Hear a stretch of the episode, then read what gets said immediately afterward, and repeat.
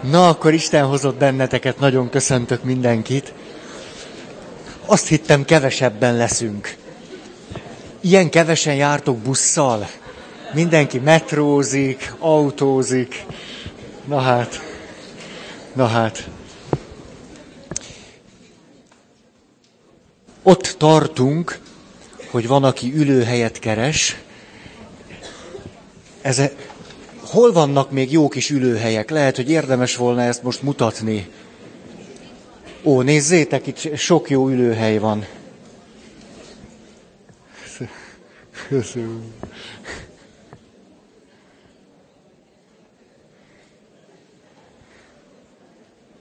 Na. Szóval, onnan indultunk el, hogy elkezdjük föltárni, hogy milyen következményei, illetve lehetőségei vannak annak, ha valaki képes egy csoportnak, egy közösségnek a szónak jó értelmében átadni saját magát, és hogy ennek a csoport felé való önátadásnak, a társas önazonosság megélésének, milyen következményei és hatásai lehetnek az egyes emberre nézve.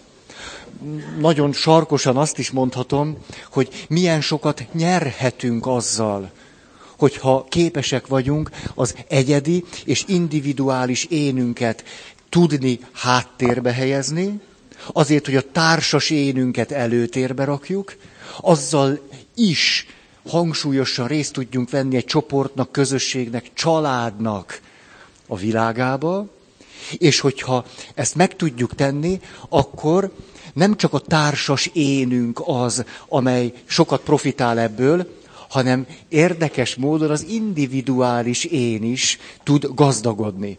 Nézzük akkor, hogy melyek voltak ezek a pontok. A csoportterápia világából származó kutatási eredményekről beszélünk. Egy, hogy föltárul bennünk a remény.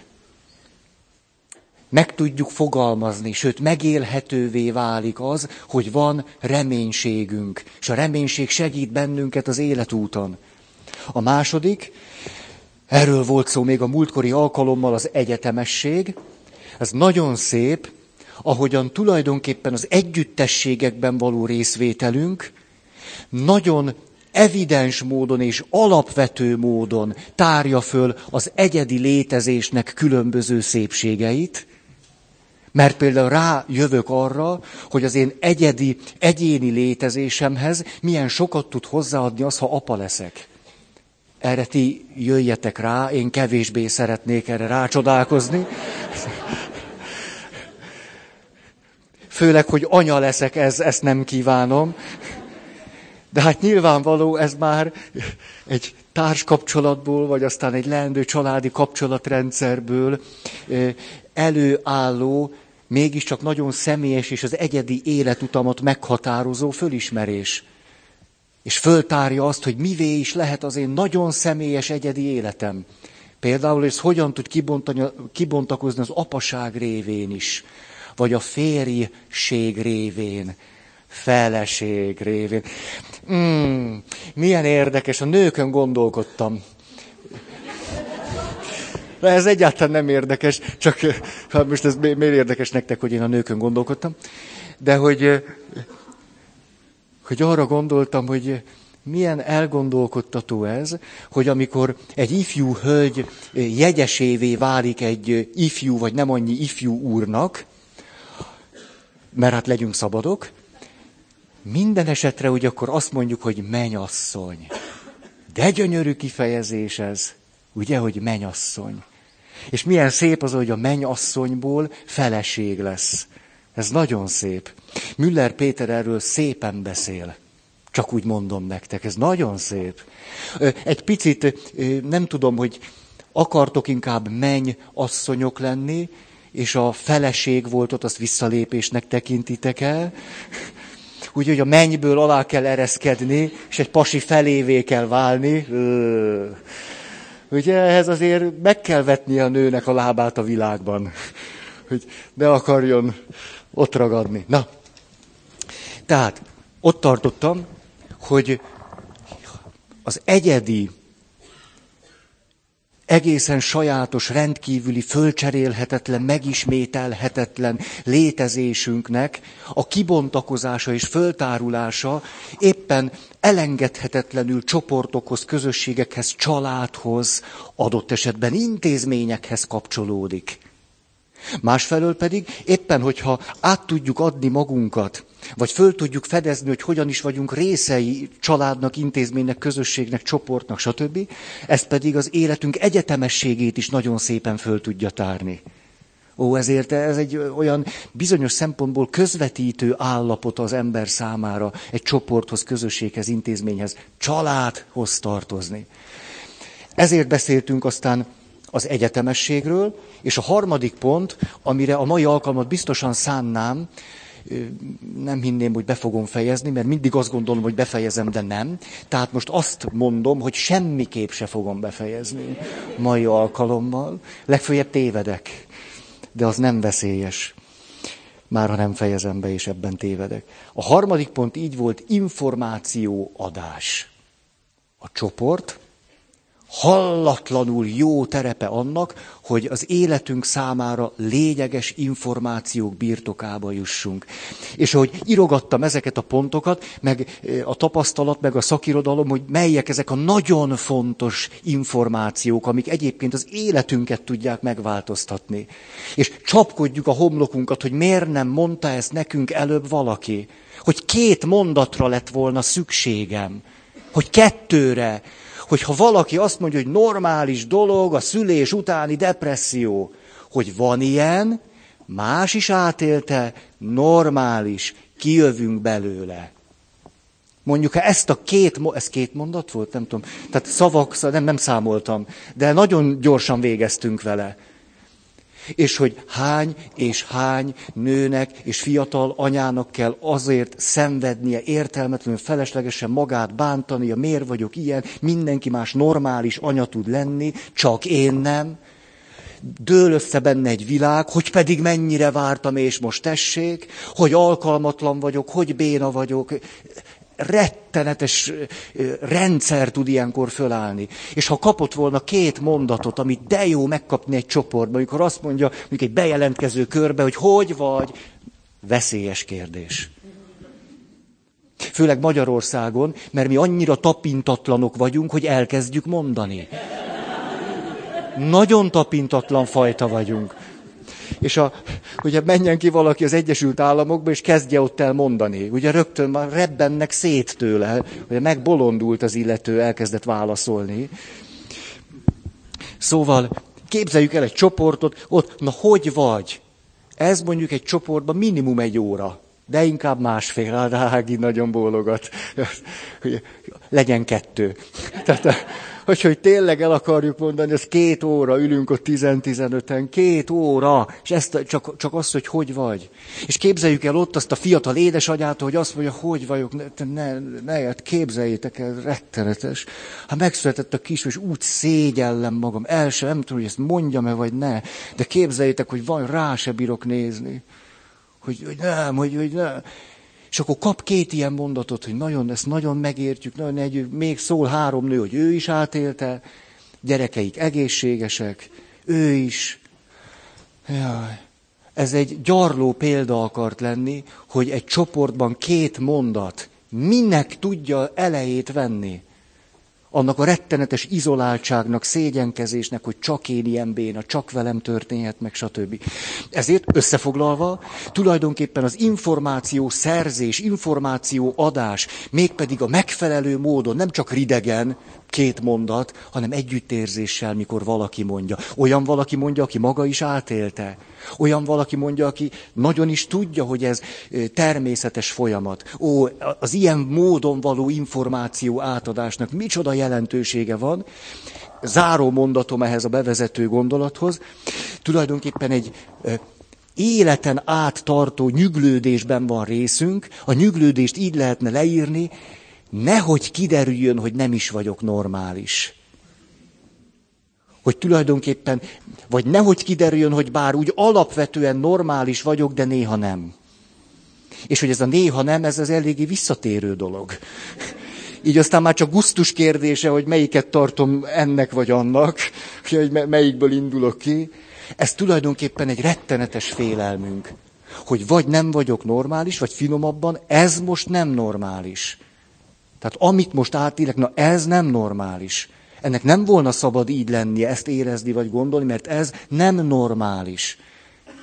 Ez zsigeri félelem tud lenni, és ezért az információ átadásnak tehát nagyon nagy szerepe van. Nagyon gyógyító, előremutató, preventív szerepe van. Ennyit bevezetésként, és akkor nézzük azokat a legalapvetőbb információkat, mert arra szeretnék vállalkozni, nem egy nagy kaland, hogy mondok nektek témákkal kapcsolatosan alapvető információkat. Azért, hogy ne kelljen csoportba mennetek. Megúszszátok az önismereti munkát. Hogy hátatok mögé dobjatok minden eddigi szándékot, törekvést, és egyetlen alkalom alatt mit szóltok?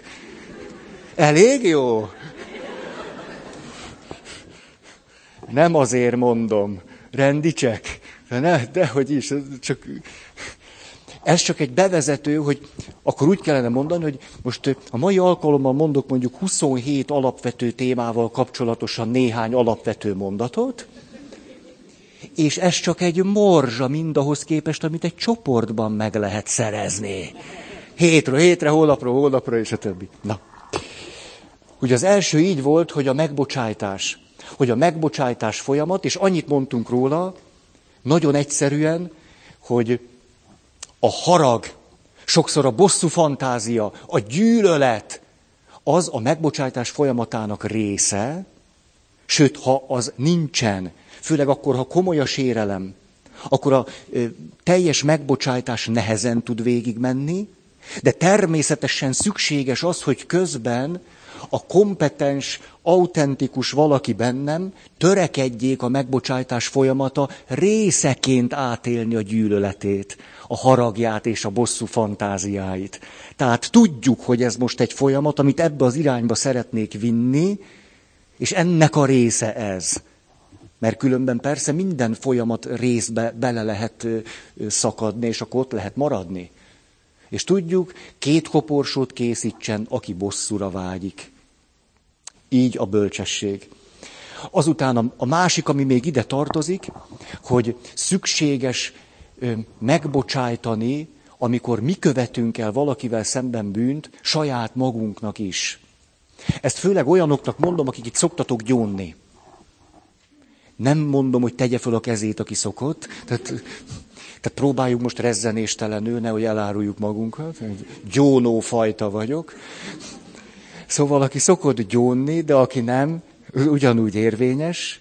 Csak a gyónást azért hozom ide, mert ott még élesebben jön ki ez a hát, konfliktus, hogy lehetséges, hogy valaki eljön a, a bűnbánat tartásból, és hallotta, hogy a pap megbocsájt, nem a pap bocsájt, nem a pap szava közvetíti azt, hogy Isten megbocsájtott neki, és az illető egyáltalán nem lesz jobban.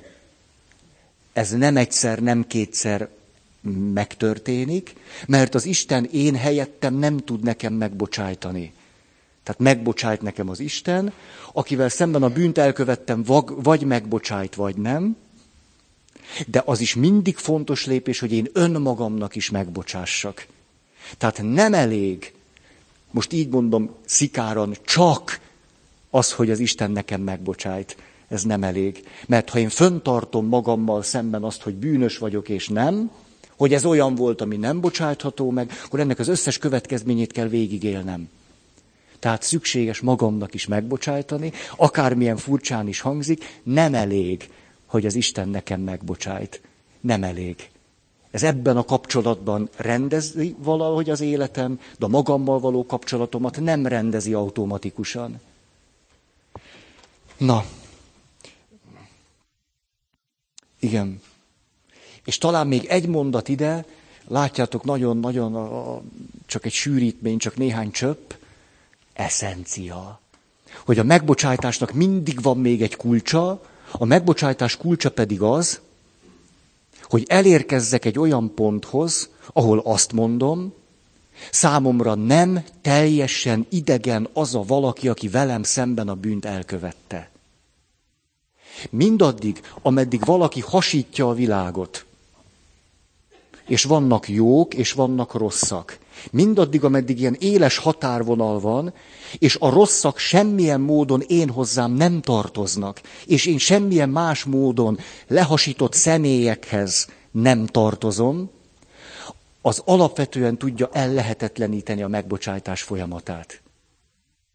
A hasítás egy én védő mechanizmus. Pici gyerekkortól kezdve szoktuk alkalmazni hogy a világot hasítjuk jóra, rosszra, személyeket jóra, rosszra, érzéseket jóra, rosszra, magatartásformákat jóra, rosszra. Ha valaki nagyon begyakorolta az általa elfogadható és a környezet számára elfogadható én védelmét a hasítással, tehát fekete-fehér, jó, rossz, ő neki nagyon nehéz lesz megbocsájtania. Nehéz lesz. Mert a másik embert mindig tőle teljesen idegennek, egy teljesen más univerzum, nem tudom én, IT-jének tartja. Bár hogy az IT és az a kisfiú milyen jó barátságba kerültek, hogy ez is példa arra, hogy a megbocsátás lehetséges. Még egy földön kívülihez is lehet közöm, nem hogy egy másik emberhez. Milyen jó példa? Tessék, tehát IT és a megbocsátás. Ebből írjatok magatoknak egy tanmesét. Szóval a folyamatban egyszer csak fölsejlik valami, hogy legalább annyi közünk mindenképp van egymáshoz, hogy ő is ember, meg én is. Az egyetemesség dimenziója. Ha hasítok, és azt mondom, semmi közöm hozzá, mert ő egy rohadék, egy gazember, én egy ártatlan áldozat vagyok, tulajdonképpen az egyetemes énemről is le kell, hogy mondjak. Nagyon súlyos árat fizetek érte. Jó, és még egy mondat. Meg kell különböztetnünk a megbocsájtás folyamatában a megbocsájtást és a meggyógyulást. Ha valakinek a személyisége viszonylag alkalmas arra, hogy meg tudjon és akarjon bocsájtani, ő, ő valamennyi munkával ki tudja mondani, hogy szándékomban van megbocsájtani, és ebbe az irányba megyek. Hogy valaki azonban a sérelme után meggyógyul-e, az sokkal hosszabb folyamat. Ezt azért mondom, mert szoktátok kérdezni, körülbelül minden második itt ülő már kérdezte tőlem, kis túlzással, hogy, hogy most megbocsájtottam-e valakinek, miközben nagyon neheztelek még rá. A megbocsátás folyamatában vagyok-e, miközben nem akarok vele találkozni. Vagy félek tőle. Vagy, vagy, vagy, vagy. Vagy nem akarom vele a kapcsolatot továbbra föntartani. Igen, nyugodtan tudhatod, hogy ez a megbocsájtás folyamata része lehet, szabad valakivel nem kapcsolatot tartani, és a meggyógyulás sokszor évtizedekig tart. Oh. E.T.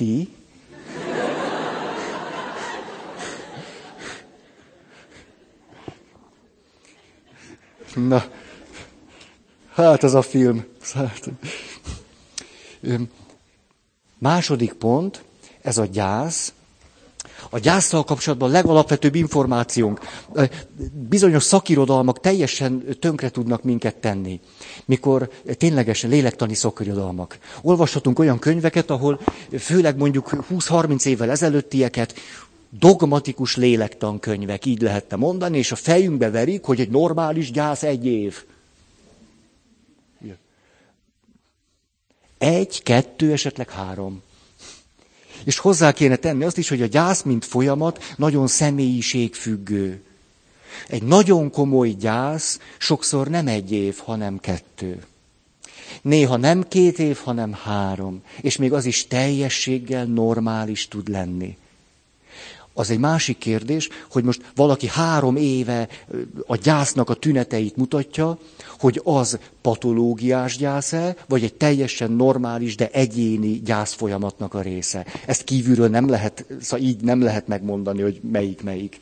Most az ismérvekben nem akarnék belemenni. Csak azt, hogy szabaduljunk föl az alól, hogy akkor vagyok normális, ha egy év alatt végeztem a gyászsal. Ezt akarom csak mondani.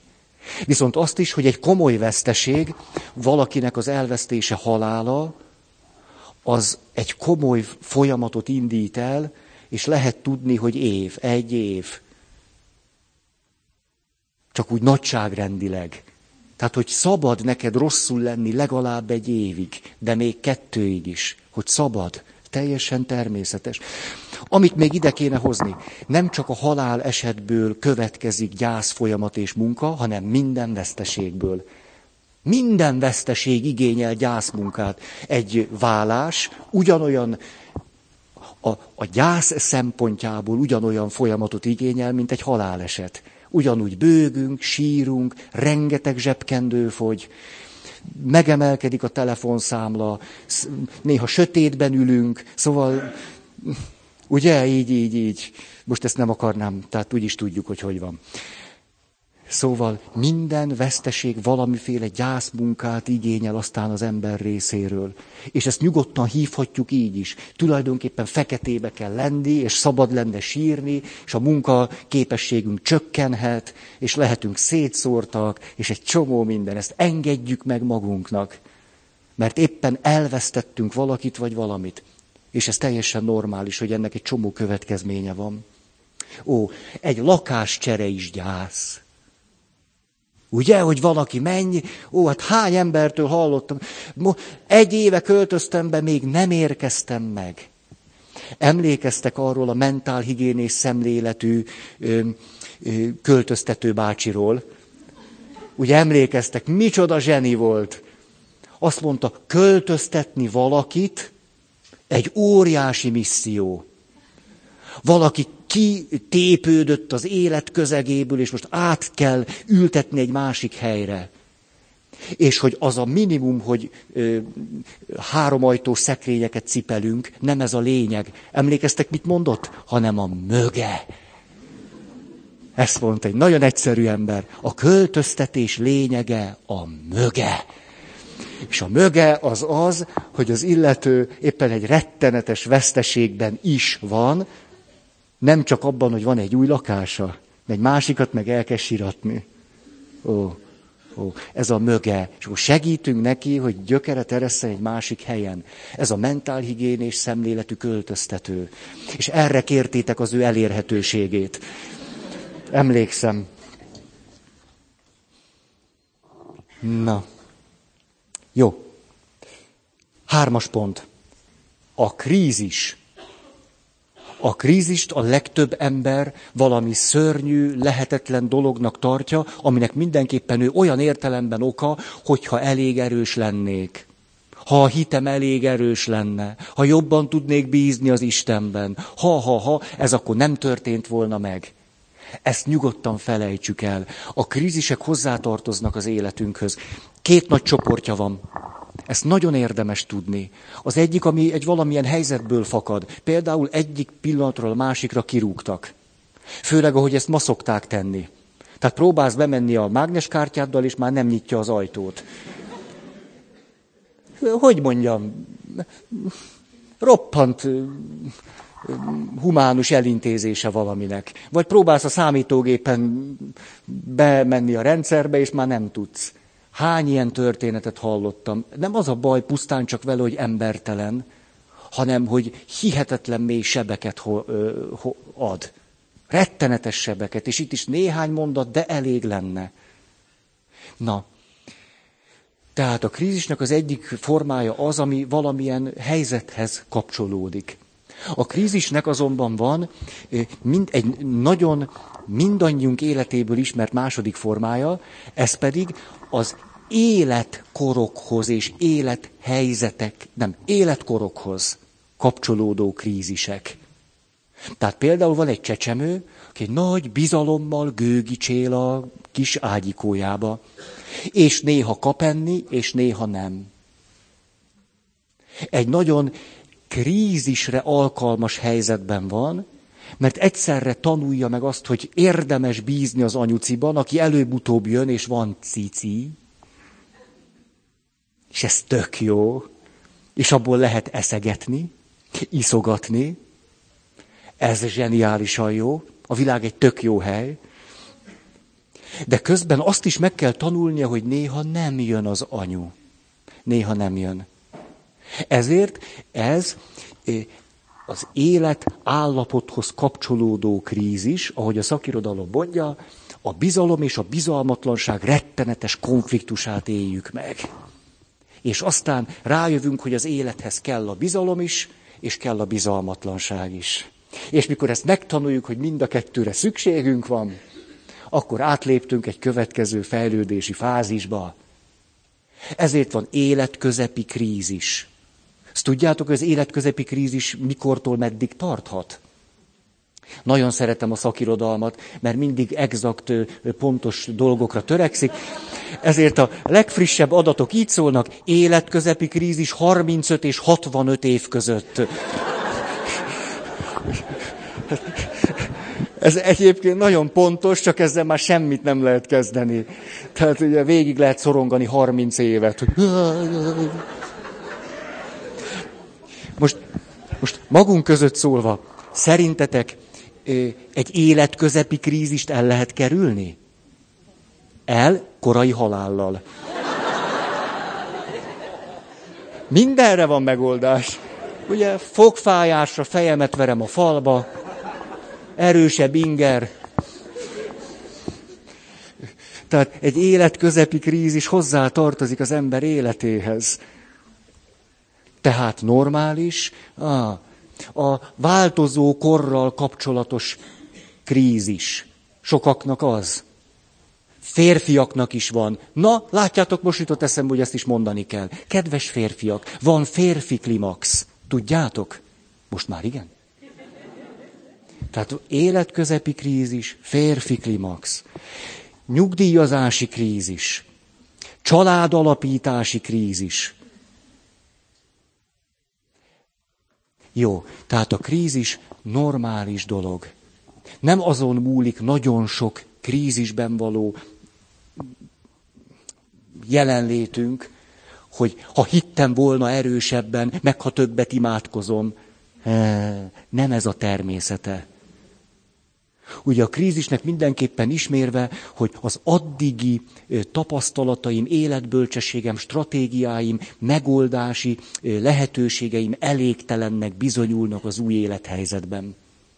És ezért ellehetetlenülök, eltehetetlenülök, és éppen ez hozza aztán a személyiség fejlődését, hogy valami új dolog jön elő, amit addig tényleg nem tudtam, nem értettem, és nem voltam rá képes. És a személyiségemnek sem volt még kidolgozott része. Tehát a krízis az élethez hozzátartozik, vele jár a fejlődésnek elengedhetetlen eleme. Így, így, így. Ne bántsuk magunkat, a krízisben vagyunk, és másokat se ösztönözünk arra, hogy szedje már össze magát. Hanem álljunk mellé, mert akkor magától is kijön belőle. Egy serdülőt nem kell 25-ször még fenékbe rugni, hogy sze, nem tudom, hogy Mondd már meg, hogy ki vagy. Hát ezen nyüglődik szerencsétlen a tükör előtt napi két órát. Tehát normális esetben a serdülőből ifjú lesz, anélkül, hogy állandóan fenékbe rúgnánk. Mellé kell csak állni.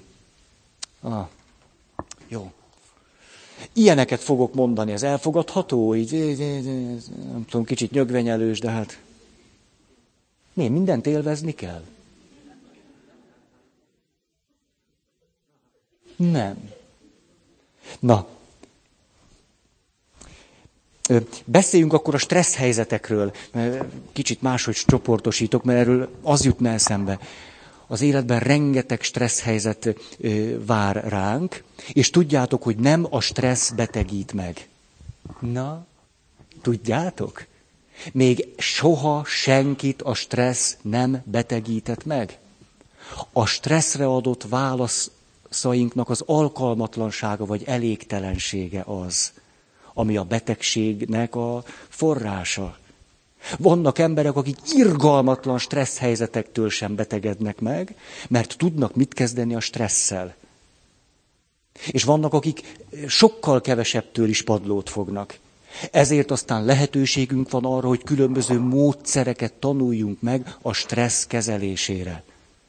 Egyszerű módszereket. Mondok egy egyszerű módszert.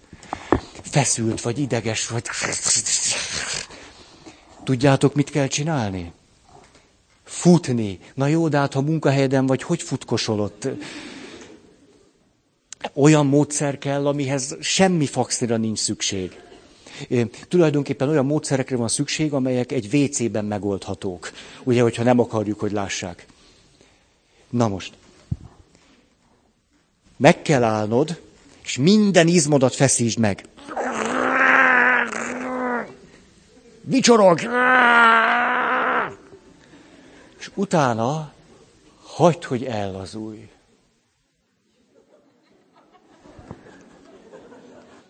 Ezt néhány alkalommal meg kell ismételni. Tehát legyél még feszesebb, még, még, még, még, még. Nem véletlen, hogy a WC-t mondtam. Tehát, most ténylegesen ezt három-négy alkalommal megismétled, aki tanult biológiát, tudja, hogy ilyenkor mi történik. De most melyik részén nevettél? Hogy ez a, ez a tanult biológiát, ez ennyire elképzelhetetlen? Ez nem, tehát ez... Te biológia tanárnő vagy? Nem? Nem. Orvos? Nem. Nem. Jó, többet nem kérdezek. Jó. Védőnő? Nem. Na, Szóval tudjátok, a, a szervezet nagyon bölcs, nagyon okos. Azt mondja, hogy ha nagy feszültség van, akkor utána gyorsan ki kell engedni, mert azt az ember nem bírja. Akkor utána a természetes ellazuló folyamatok beindulnak a szervezetbe. Tehát ott vagy, mielőtt a főnököddel beszélni kéne. Tudjátok, ilyenkor a szív leszáll a gyomorba.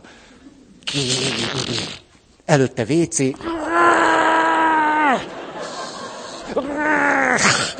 akkor bemész. Na,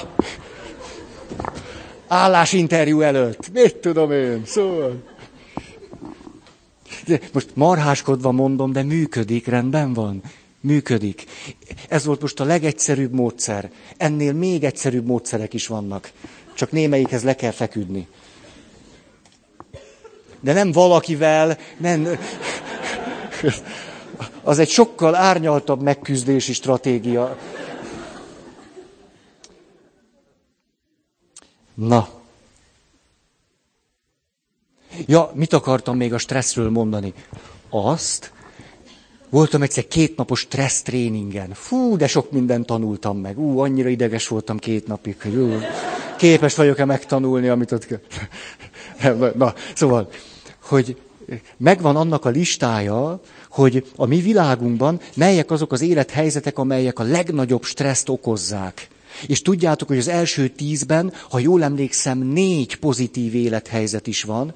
Tehát például házasságot kötni, óriási stressz, a gyerekszületés, óriási stressz, egy új munkahelyre kerülni, ami egyébként a vágyad, álmod lehetett, óriási stressz, a kari, karácsony,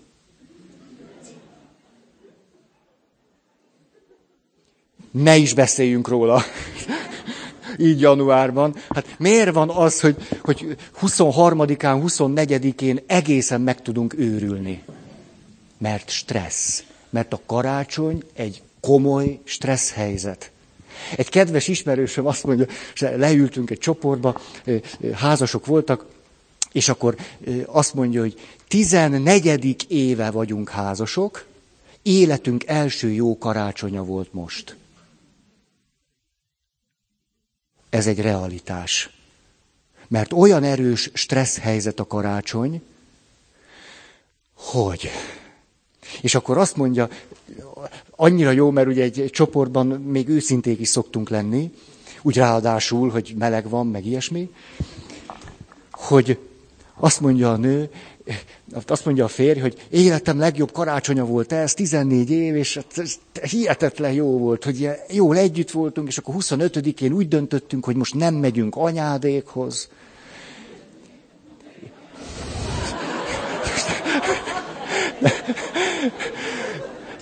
Van folytatás is, és anyámékhoz. Tehát ezt most hagyjuk, és akkor úgy döntöttünk, ellazulva,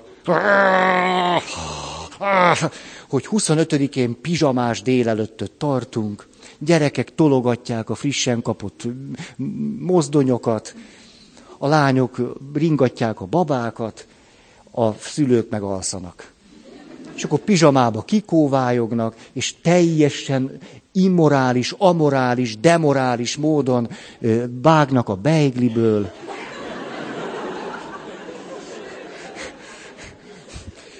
Tizennégy év után először.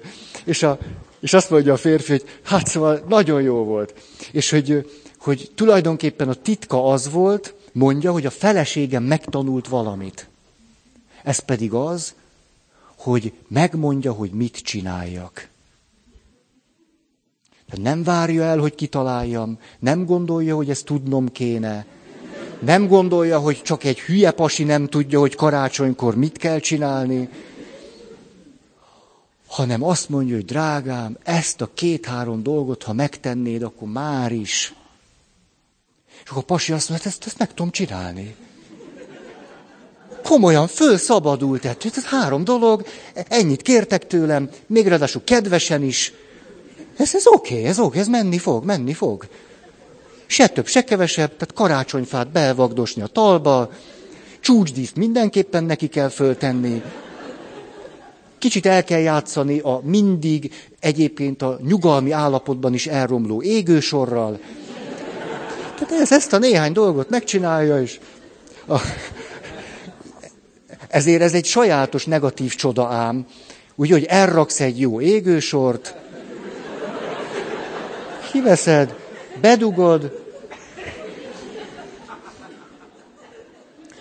ezt az múlta csak fölül egy, a, múlt, egy kedves barátom éppen nem tudom én fogyókúrázott. És azt mondjuk, hogy éppen a legjobb állapotban volt, akkor azt mondta, hogy na most veszek egy dögös, dögös fürdőgatyát. Hát vannak ilyen férfiak most is. Vett egy fürdőnadrágot, amit nem tudom én, december elején betett a polcra, és amikor júniusban ment volna, ott a polcon tönkrement a fürdőnadrágja, anélkül, hogy fölvette volna valami. Tehát ez a levegővel érintkezve porlatt el, és és mondhat, a fürdőnadrág autentikus használata vízbe kell rakni. Hát ezt nem mondta, hogy, hogy pihenőidőbe is, tehát hogy beáztatva kell tartani, mert hogy a levegőtől porlad. Ez, ez. Na, ugye ott tartottunk, az nagy csoda, hogy még tudom, hogy tehát a tíz legnagyobb stressz helyzetet okozó helyzet között legalább négy van ami nagyon-nagyon pozitív. Például a karácsony. És hogyha erre előre számítunk, igen, ez egy stressz helyzet, itt ez egész más hozzáállást igényel. Ha, ha. Rendben. Tehát muszáj, hogy tudjatok egy-két stressz kezelési módszer. Tényleg. Szóval itt ültök, és nem tudtok ilyet, nagy bajban vagytok. Mai világban. Ne. Ezt Hát, de tényleg, ez sose fel...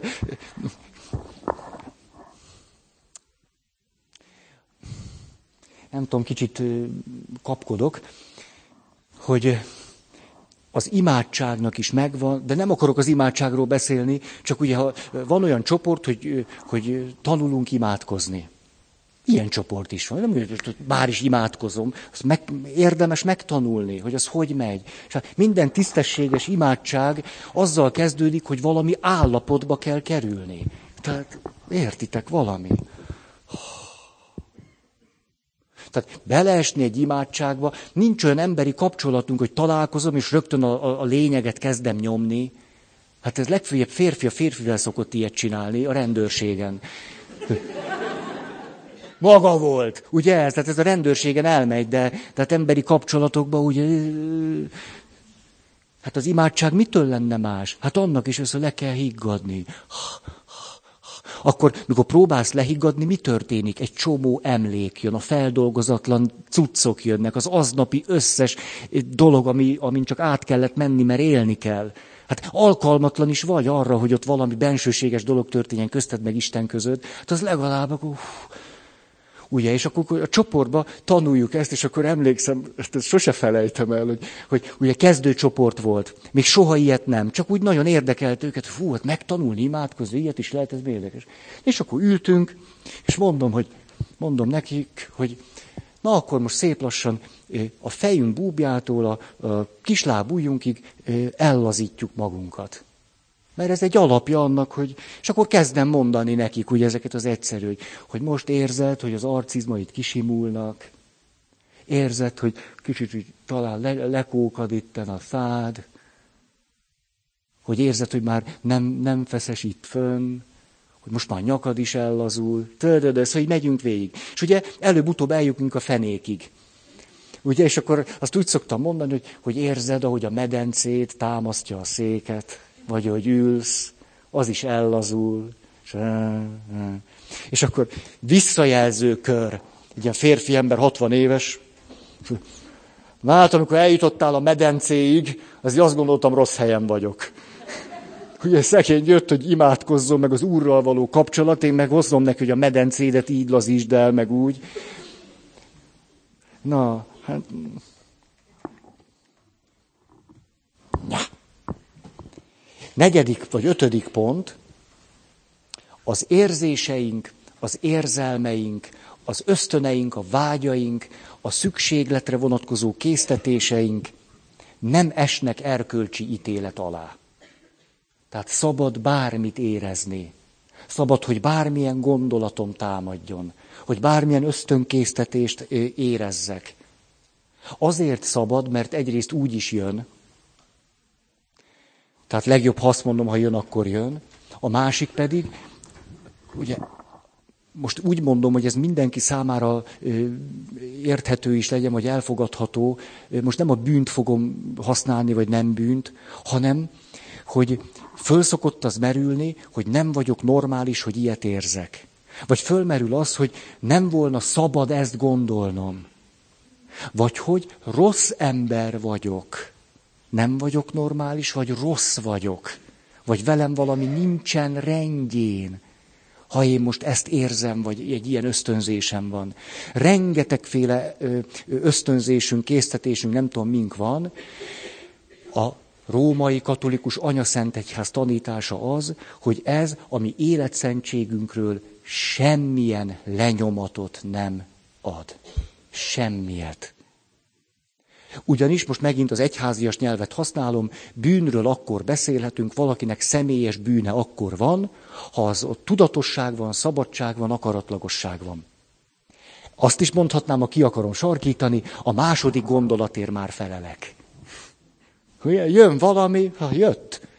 Tovább viszek-e egy gondolatot, egy érzést cselekvésbe viszek-e, ott már nyilván van szabadság, van felelősség, akaratlagosság és döntés. Ott már akkor van erkölcsiség is. Ez nagyon fontos. Annyit szoktak emberek ettől szenvedni, hogy ezt nem volna szabad érezni, vagy ez nem normális. Ó.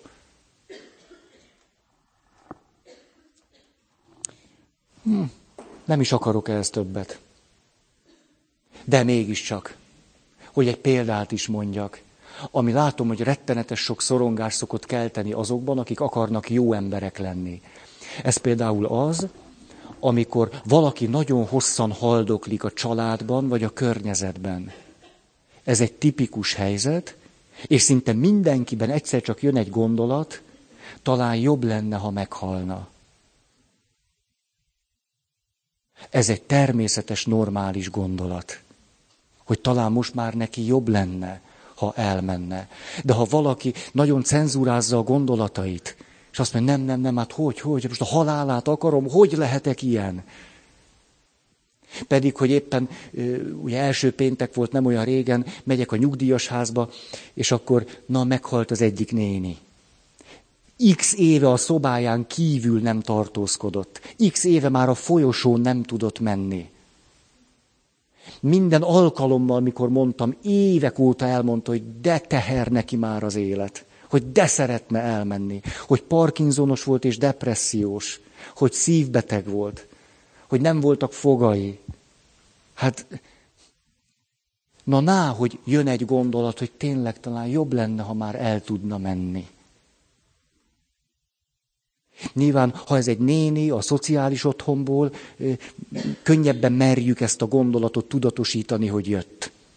Ha az édesapám, az édesanyám, hogy nyilván sokkal, sokkal félelmetesebb, rázósabb, ugye hogy gondolhatok ilyet?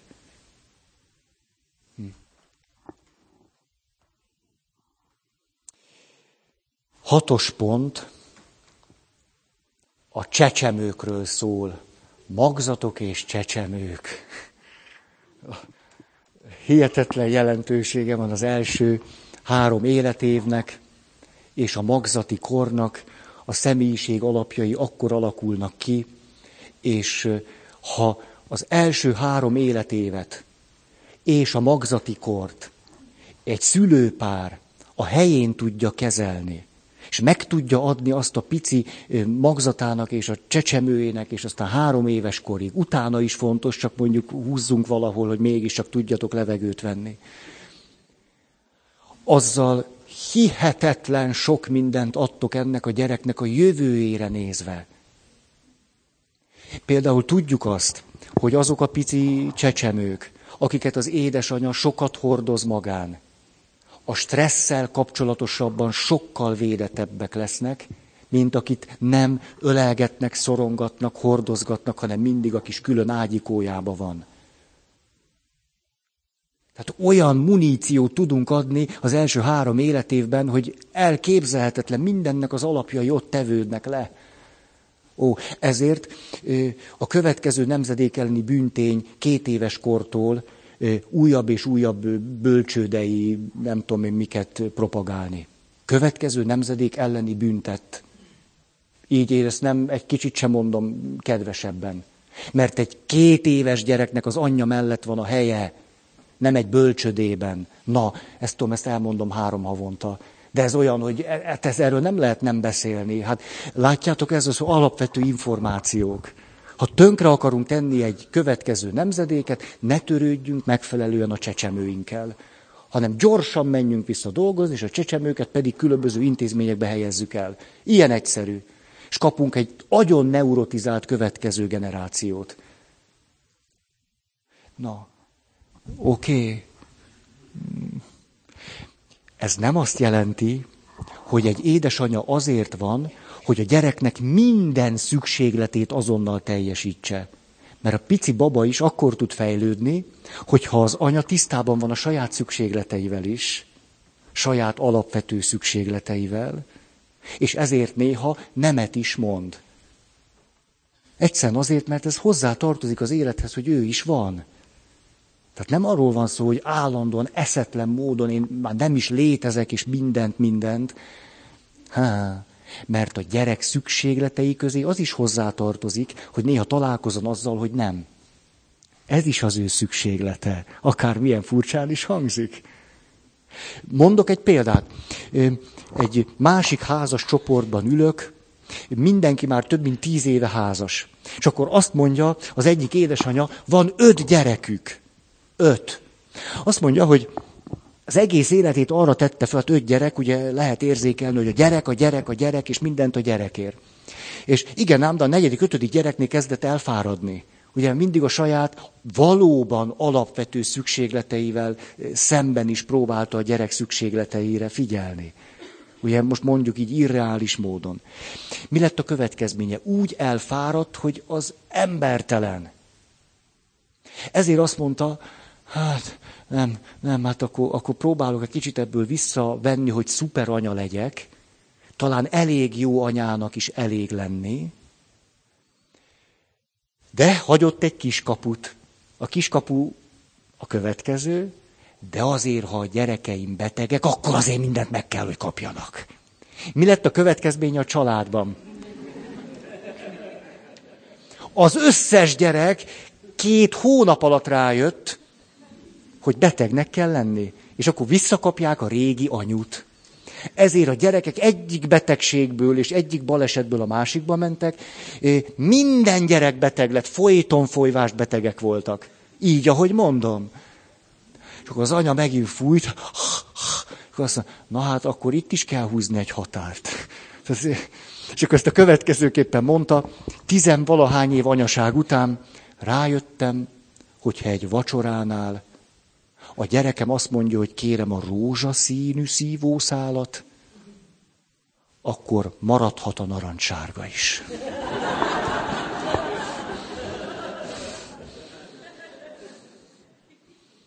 Látjátok, hova tud az ember fejlődni és emelkedni? Semmi sincs veszve, amíg ilyen anyák vannak. Na. Tehát a csecsemőkor, első három életév, magzatikor. Hát ha én, én szülő lennék, hát ebbe fektetném a legtöbb energiát. Ez. De nem vagyok.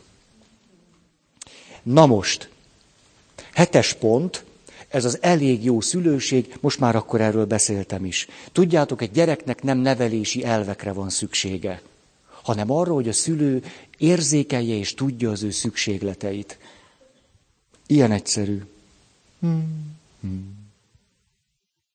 Jó. Nyolcas. Ez a bűntudatról szól. Mindannyian rengeteg bűntudattal élünk, ha beismerjük, ha nem és a bűntudatunk egy jelentős része neurotikus bűntudat. A neurotikus bűntudat lényege nincs bűn, de van bűntudat. Ezért minden bűntudat kapcsán föl kellene tennünk a kérdést, hogy itt most van-e bűn mögötte, vagy nincs. Esténként pedig a fordítottjával is érdemes volna szembenézni. Jaj, remek jól érzem magam, nem voltam egy gátlástalan gazember. Ezt lelkiismeretvizsgálatnak szokták hívni mi felénk. Tehát mit akarok ezzel mondani? Egy alapvető tudás az, hogy a lelkiismeretünk alapján tudunk élni, ez nagyon jó, hogy van ilyenünk, de minden ember lelkiismerete téves. Ugyanis a lelkiismeret a személyiséggel együtt alakul és formálódik. A természet része a psziché része, beszélhetünk úgy, mint a felettesén részéről, ezért a lelkiismeretünk mindenkié esetleges. Nem a mennyből pottyant alá, Mm-mm. hanem esetleges, esetleges. Ezért egy bölcs ember a lelkiismeretét külön gondozza. Hmm. Fölismerem, hogy mikor van bűntudatom, pedig nem kéne lenni, és mikor kéne lenni, mikor nincsen. Ez a lelkiismeret gondozása. Különben. Következő, ez a kilences, vagy kilences pont, a serdülő. A serdülő akkor van jól a helyén, hogyha serdülő korban lázad. Pimasz, pofátlan, beszól, és a többi. Kedves szülők, azt tudom nektek mondani, hogy örüljetek neki, hogy normális a gyereketek, és 16 évesen veletek szemben egy védett közegben bunkózik, undizik, és lehetetlenkedik, és nem majd 30 évesen a főnökével, 40 évesen a férjével, 50 évesen meg a, nem tudom én, a pápával. Így van meg mindenféle intézménnyel, autoritással, hatalommal, tekintélyszemélyel. Hát ne, óriási dolgot tud adni egy édesapa meg egy édesanya azzal, hogy megenged, hogy a serdülő gyereke pimasz, lehetetlen, elviselhetetlen legyen. Há. És utána csak akkor fog ütközni fölfelé, ha szükséges. Néha szükséges, nem? Néha szükséges. De nem fog eleve nem, Richard Rohrnak nagyon vitriolos gondolatai vannak, azt mondja, rettenetes apa hiányunk miatt, ma szinte minden férfinek probléma az autoritással való kapcsolat. Tehát a tekintély személyekkel képtelenek vagyunk megfelelő viszonyban lenni. Mert vagy minden feneket kinyalunk azon az alapon, hogy a szájunk fölött van, Vagy azt várjuk, hogy mikor legyen egy panoráma fenékre, és bele tudjunk rúgni.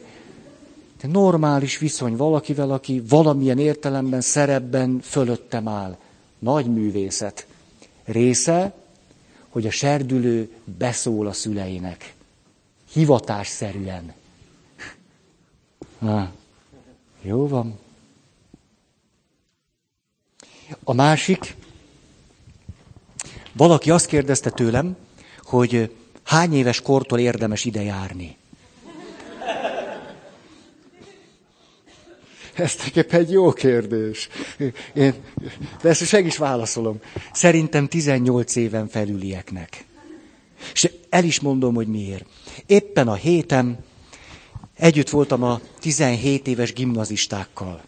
A 17 éves gimnazistákkal mi volt a, a például egy ilyen nagyszerű témánk, amiről beszélgettünk? Az, hogy azt kértem tőlük, hogy most menjünk körbe, és mindenki mondja el az álmait. Az életére vonatkozó álmainkat fogalmazzuk meg, hogy ne gondoljuk azt, hogy a szégyelni kell, vagy nem lehet róla beszélni, vagy majd ki fognak minket nevetni. És azt kértem tőlük, hogy akkor is mondjátok el, hogyha nem tartjátok reálisnak. De mégis egy ilyen vágyként, álomként, ideálként bennetek van. Olyan szép kör volt, amiket mondtak. Nagyon, nagyon. Cű, szóval öröm volt őket hallgatni. Mit akarok ezzel mondani? Egy 17 éves embernek legyenek álmai, ideájai, lelkesedjen, és, és ne legyen még reális. Ne legyen, egy 17 éves fiatal ne legyen reális. Álmodjon, nem? Akarja megváltani a világot, akkor normális. Mi meg itt eléggé ideálrombolók vagyunk. Nem való egy 16 éves fiatalnak. Nem, mert ő nem az életkorának felel meg. Nem, ez annak, aki már csalódott ebben, abban, életben, mindenben, Istenben, akkor az már jöhet. Tehát ez, ez, ez így, így, így. Hát, szóval ilyen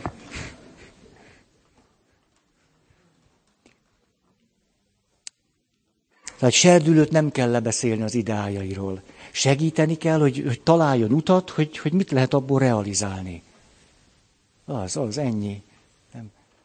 Édes fiam, az nem úgy van. Oh, majd megtanulod. Ez, ez, de ez olyan személyes élmény. Ez, ez, ez úgy hangzott, ez megvan. Szóval, nem, hát persze, hogy megtanuljad, ezt miért kell neki elmondani? Nem, hát... Na. Jó? Férfi-nő kapcsolat. Ha, ezt most átugorjuk, és akkor a... Nem tudtam, hogy annyira szeretem, mikor utáltok, amikor van egy kis dinamika. Szóval lehet, hogy csak egy valamit akarnék mondani, amit ki fogtok nevetni. Egyetlen mondat, a férfi és a nő különböznek egymástól. Ez, ez a másik. Tehát, ez annyira röhelyes, és tudjátok, hihetetlen, hogy ezt nem tartjuk eléggé tiszteletben. Nem, egyszer, egyszerűen, egyszer, mint hogy ezt nem akarnánk elfogadni, hogy így van. Ágálunk az ösztöke ellen. Egy férfi az férfi. A férfinek meg kell mondani, hogy ezt jobbról balra. Nem ő az maga. Hány nő, aki 40 évesen azt mondja, hogy tulajdonképpen most már igazán megtanulhatnám, hogy a férjem nem jön rá magától. A férfiak nem jönnek rá maguktól, nőtársaim, mondom nektek. Attól még szeret, de ne, nem, hát a férfi egy mamutot üldöző, elejtő lény. Egy dologra koncentrál, rááll, ezt, ezt tudjuk. Ezt parkolni is tudunk, van egy-két jó tulajdonságunk. De nem, nem. Tehát, de most ezt annyira komolyan mondom, csak mindig, tehát ha egy férfi kinyitja a frigó ajtaját, nem tudja, hogy a dolgok hol vannak. Ez nem baj, mert egy férfi nézi a frigó ajtaját. Ő így néz, és néz, és akkor ilyen pontról pontra. Drágám, hol a vaj? Ugye hiába, de ezt persze már ötödik perc után.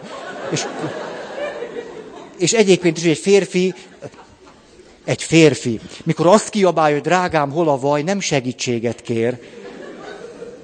Na, azért álljon meg a menet. Egy nőtől hülye vagy? Egy férfi nőtől nem kér segítséget. Az a legutolsó. Tehát számon kéri a feleségét. Tehát ez, hogy drágám, hol a vaj, ez nem segítségkérés, hanem hova raktad azt a rohadt vajat. És, a, és ugye a feleség meg a három szobával odébb mondja, hogy harmadik polc jobbra hátul a keférek mögött.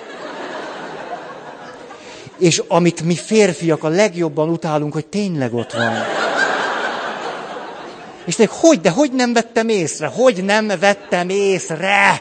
És akkor azt mondja, na jó, most utoljára. De azt nem mondom, hogy igaza van a feleségemnek, na azt már nem. Nem, hanem még dúlok, fúlok, mert az öntudatomon akkora rés keletkezett, mint az ózon pajzson. Tehát külön stratégia, hogy... Na, de most rengeteg tényleg itt, itt a végtelenség kéne ezt mondani, hogy olvassatok el legalább két könyvet erről a témáról. Tehát, hogy egy férfi mást lát. Perifériás látásunk igen gyönge, kivéve a focistáknak, meg a labdajátékosoknak, de külön fejlesztik. Egy nő fejlesztés nélkül is körülbelül 180 fokba kompetens. Ezért egy nő nem stírol egy pasit, mert néz előre és látja, hogy milyen... Hát,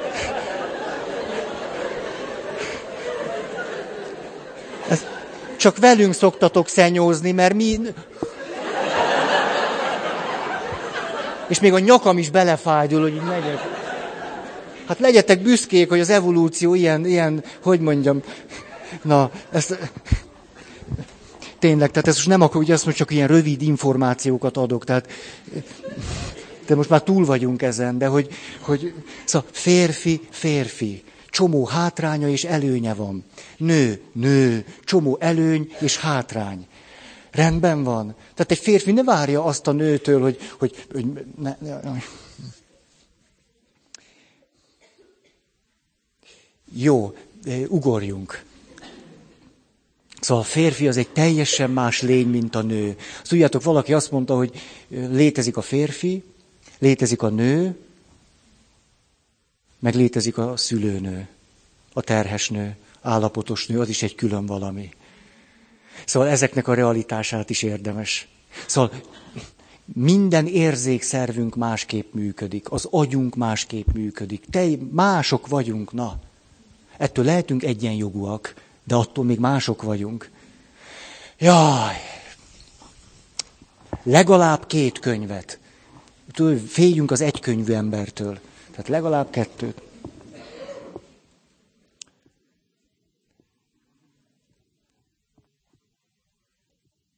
Jó? Szexualitásról. Talán két ö, irányból mondanám ezt. Az egyik, nem, talán három. Az egyik, hogy férfi és nő között mindenképpen van valamilyen szexuális természetű kapcsolódás. Mert férfi meg nő. Ugye ezt azért mondom, gyakran kérdezik ezt, hogy most lehet-e férfi és nő közt barátság? Éppenséggel lehet, de a szexualitás mindig benne lesz. Legfőjebb ezzel tudnak valamit kezdeni. Ne áltassuk magunkat, hogy férfi és nő közt mindenféle szexualitástól mentes. Ugyan? Hát, hát ha te egy, mondjuk én,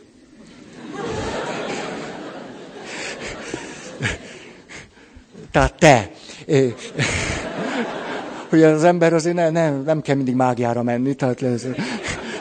Na, hát nem volna rettenetes, hogyha te egy nő társaságában, ha férfi vagy, ott teljesen egy aszexuális lény lennél. Hát hogy tudnál már az lenni? Ott elveszted azt, hogy férfi vagy? Hát hogy volna ez lehetséges?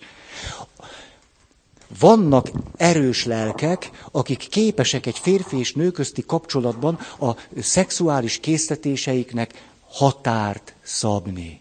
Ilyen létezik. Ilyen értelemben lehet nő és férfi között barátság, de olyan értelemben, hogy abban ne legyen valami szexualitás, olyan értelemben én, én nem, ne, ez el, lehetett, hát értitek, a, a, abnormális. Nem szoktam ilyet mondani, hogy abnormális. Hát de hát akkor, akkor meg kéne szűnnöm férfinek lenni. Hát akkor viszont már szexualitás is van. Hát nem tudok nem szexuális lény is lenni. Na, ezt nem, nem, nem kell ezt. Szóval ne legyünk naívak, hogy jó, mi csak a legjobb barátok. Nincs köztünk semmi. Hát ak- akkor minek találkoztok? Hát én nekem azzal van kedvem találkozni, tudom, hogy mit szoktunk ez alatt érteni. Hát, hát ne vicceljünk már, hogy a, hogy a szimpátiának egy férfi és egy nő között nincsen szexuális természete is. Hát persze, hogy van. Nem, a számomra legvisszatetszőbb nő ismerettségét keresem barátság céljából.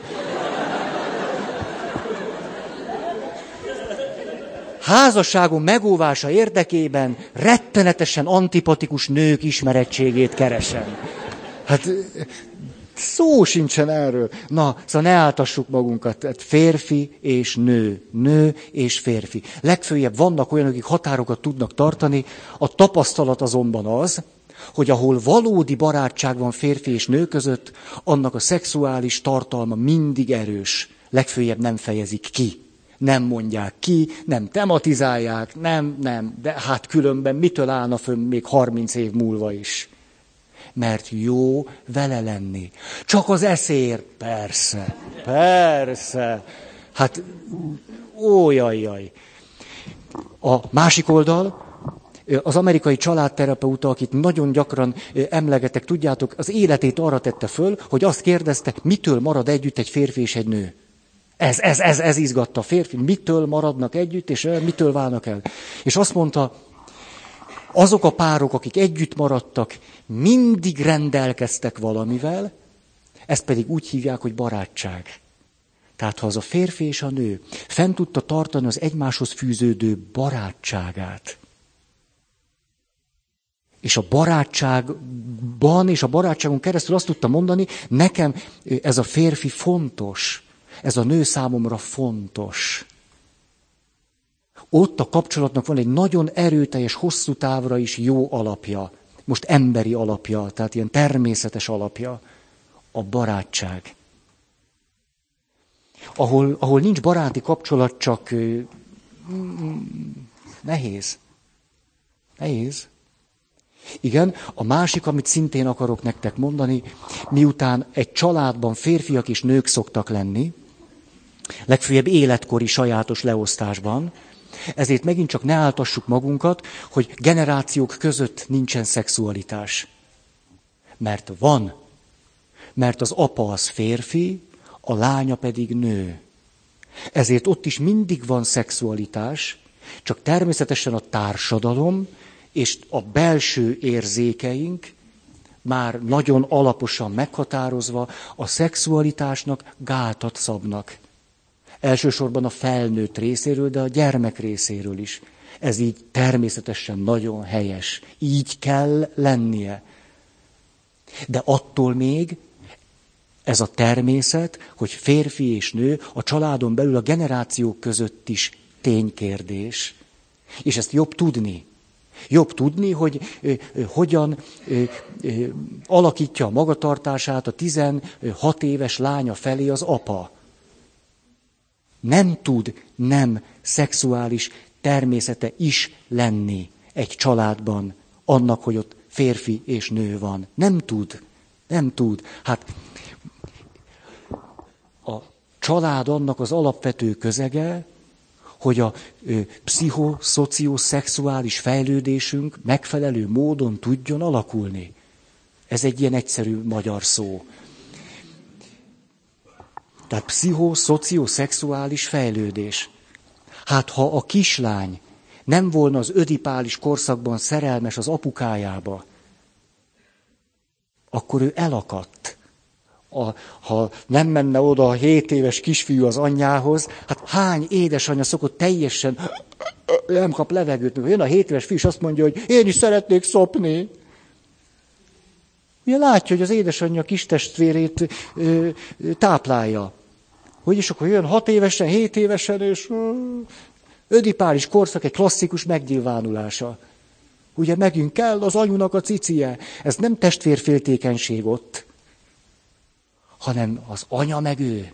És anya, ha apa meghal, elveszlek feleségül. És ez, ez. Hát ebben a dinamikában is nagyon is benne van a szexualitás, és az is nagyon jó, hogy benne van, hiszen ez, ez hozza elő azt, hogy rájövünk, hogy az anyánkat már nem tudjuk elvenni, rá kell fanyalodni a korosztályunkra. Ez egy életszakasz klasszikus krízise. Hogy azt látom, hogy az anyám cinkosan nem velem kacsint össze, hanem az apámmal. Legszívesebben kinyírnám. Ollókezű Edvard. És aztán ebből a krízisből kijövök, és azt mondom, akkor viszont leszek olyan vagány csávó, mint apa, és szerzek egy olyan jó nőt, mint anya. Ez a nagy lépés. Ez. Tehát éppen, hogy nyilvánvaló, hogy van szexuális természete is. Hát kell is, hogy legyen, mert ha nincs, akkor az nagyon problémás. Egész elszaladt az idő.